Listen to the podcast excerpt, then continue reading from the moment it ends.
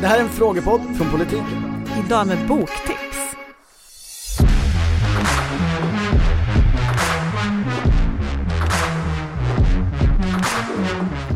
Frågan jag ställde var, nu ställer jag frågan tredje gången, jag tror många tittare vill veta. Fast jag tror inte att det, det är den viktigaste Nej, men frågan. om jag för- tror det. Det här är politikens frågepodd, Torbjörn. Japp. Det är här vi svarar på frågor från lyssnarna. Definitivt. Ja, och veckans fråga, den handlar om vilka tre böcker vi först skulle sticka i händerna på någon med begynnande intresse för svensk politik och dess historia. Mm. Och det har varit jättesvårt att enas om detta, men vi har nog kommit fram till tre böcker. Jag tror att vi till slut har lyckats enas om eh, Pertti Olssons bok Svensk politik. Ja, klassiker eller blivande klassiker beroende på hur länge sedan man tycker 2014 var. ja den kom 2014, det hade du rätt i. Eh, den är framförallt i, väldigt tung. Den är ganska tjock och som väger en enormt mycket så den är ganska jobbig att bära omkring på. Det här är en bok som handlar om all svensk politik från 1809 fram till idag. Det är någon slags historiebeskrivning. Ja, och det som är sorgligt är ju att Per T gick ju bort väldigt hastigt i höstas. För Mm. man såg ju framför sig att han skulle fortsätta i 25 år till med att uppdatera den här boken. Skriva ett kapitel till och Ja, komma ut i en ny version och ja. sådär. Ja. Och det kommer inte hända nu, tyvärr. Men det är ju en, eh, en bra bok för en snabb överblick, eller vad man ska säga. Ja, Pertti Olsson var ju eh, ledarskribent på, på borgerliga eh, Sydsvenskan. Ja, så någon liber- skulle ju, Liberal, säger man väl. liberal, säger man det? Okej, någon Ja. skulle i alla fall tycka att han har slagsida åt höger. Det kan ju vi notera. Per T var ju, ansågs ju i en annan tid väldigt höger, men den, på den senare tid ganska vänster. Och har ju också kommit ut som eh, att han har röstat på Socialdemokraterna vid två tillfällen tror jag. På något vis så var han väl mitten av mitten i något slags Annie Lööf eh, i alla fall. Mm. Och, och den här boken driver ju också tesen att svensk politiks stora lycka eh, och, och de viktiga avgörandena alltid har avgjorts till fördel för de som har sökt konsensus, som eh, har tonat ner konflikter, som har varit pragmatiska.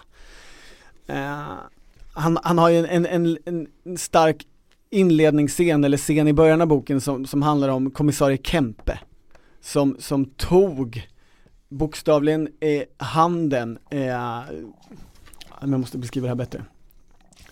Som bokstavligen när det var nära revolutionen där i Sverige 1917 på riksdagshustrappan tog tag i handen på sin överordnade konstapel och liksom höll ner konstapelns hand så att han inte skulle eh, ge order om att poliserna skulle börja eh, dra sablarna mot eh, de eh, arbetande demonstranterna eller demonstrerande det. arbetarna. Det var ju det här du pratade om i samband med kravallerna. Ja, Mm. En annan bok, en annan bok. som jag tycker, Mm. som jag faktiskt ständigt återkommer till, det är Katarina Barlings avhandling Partikulturer. Och det kan ju låta lite tråkigt att Du tipsa. drar upp en doktorsavhandling Ja. här till någon med begynnande intresse. Ja, nej men det kan ju, liksom, alltså, om man, det beror lite på hur man är lagd, man kan ju hoppa över metodkapitel och sådär. Ehm, den, här kom, den här börjar ju bli ganska gammal, den är från 2004. Mm. Men hon har ju då studerat, intervjuat partierna om partikultur och partiidentitet. Sverigedemokraterna finns inte med i den här boken, för att den är så gammal. Men eh, den är ju otroligt intressant tycker jag och väldigt, alltså vill man förstå varför partier agerar som de gör, Mm varför har Socialdemokraterna den här processen? Om NATO. Varför röstade Vänsterpartiet nej till att skicka vapen till Ukraina och varför var det en så jättestor sak att vissa gick emot Mm. partilinjen? Och hur kunde de sen plötsligt ändra sig? Allt det där förstår man mycket bättre när man har läst den här boken.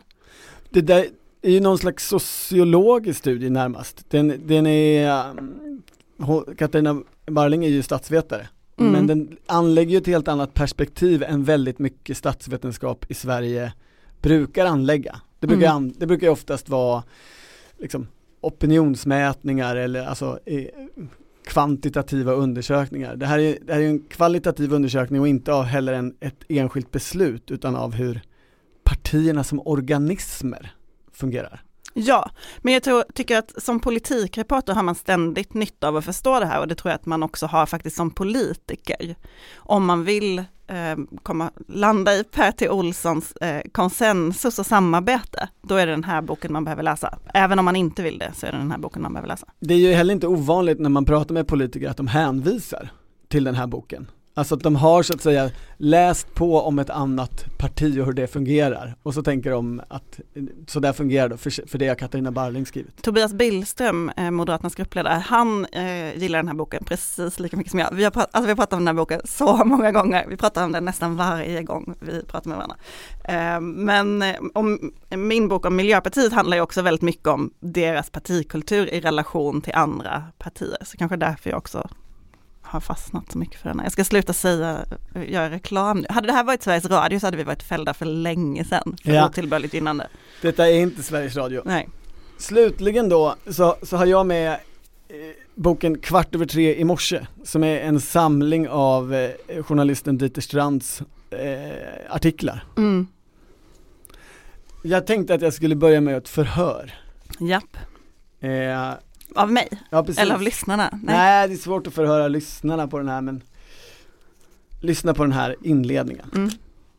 Den stora svarta bilen kom ut ur den täta vita dimman som de här dagarna höljer in det krisdrabbade Blekinge. Bilen stannade vid LM Ericssons fabriksgrindar, 50 meter från där de 400 arbetarna stod med sina plakat. Vad är det här Mm. för text? Ehm, det är pinsamt om jag har fel nu, men jag, det är lycka till som Almax sa. Absolut. Det här är det reportage som gav upphov till eh, sägningen Lycka till, som Per Ahlmark sa. För så slutar den här texten. Per Ahlmark är arbetsmarknadsminister, åker till Blekinge där det är demonstration för att de ska bli av med jobben och han åker därifrån och säger lycka till. Enligt Dieter Strand. Det hävdade ju Per Ahlmark att han inte hade sagt.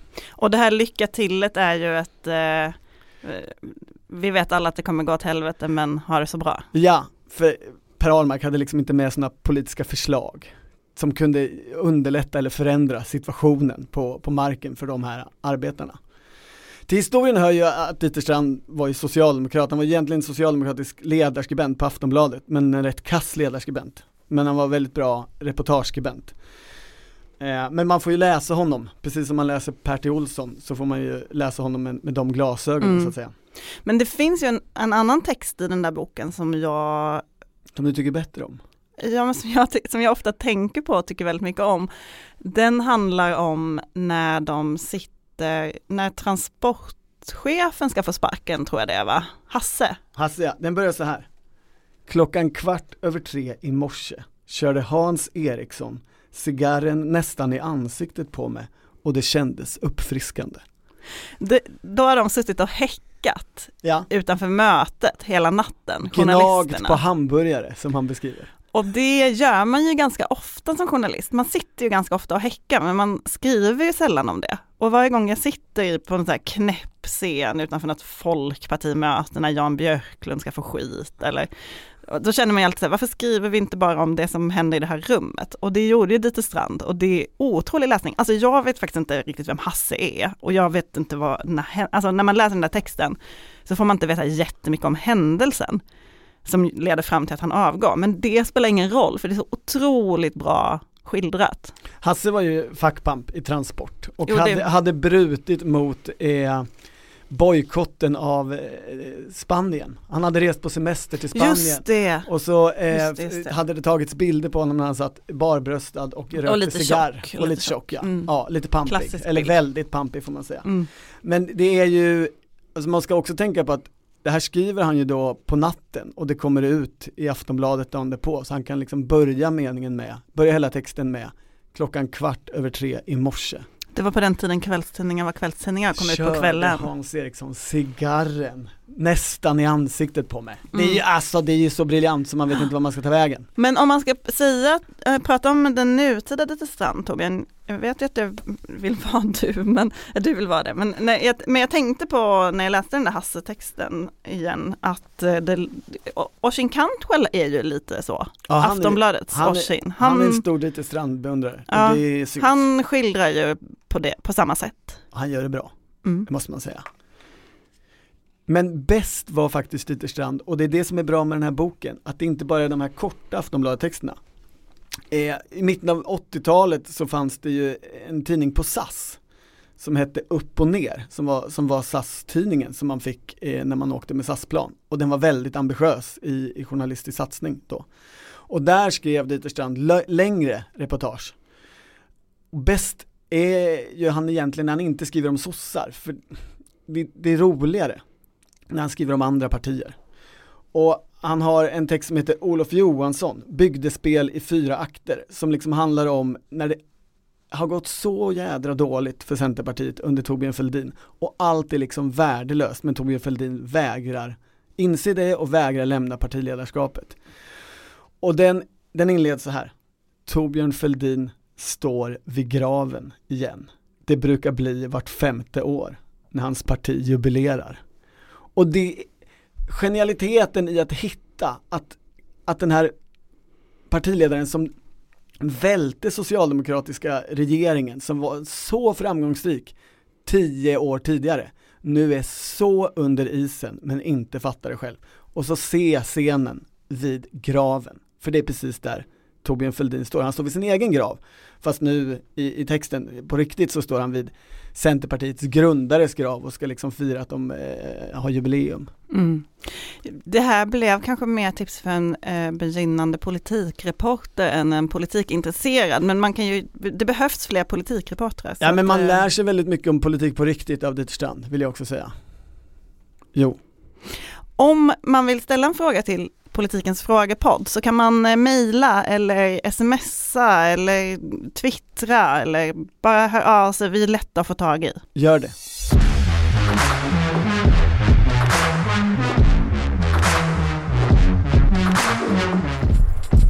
Du har lyssnat på Politiken, en podd från Svenska Dagbladet. Producent var Martina Pierrot, ansvarig utgivare Anna Kareborg.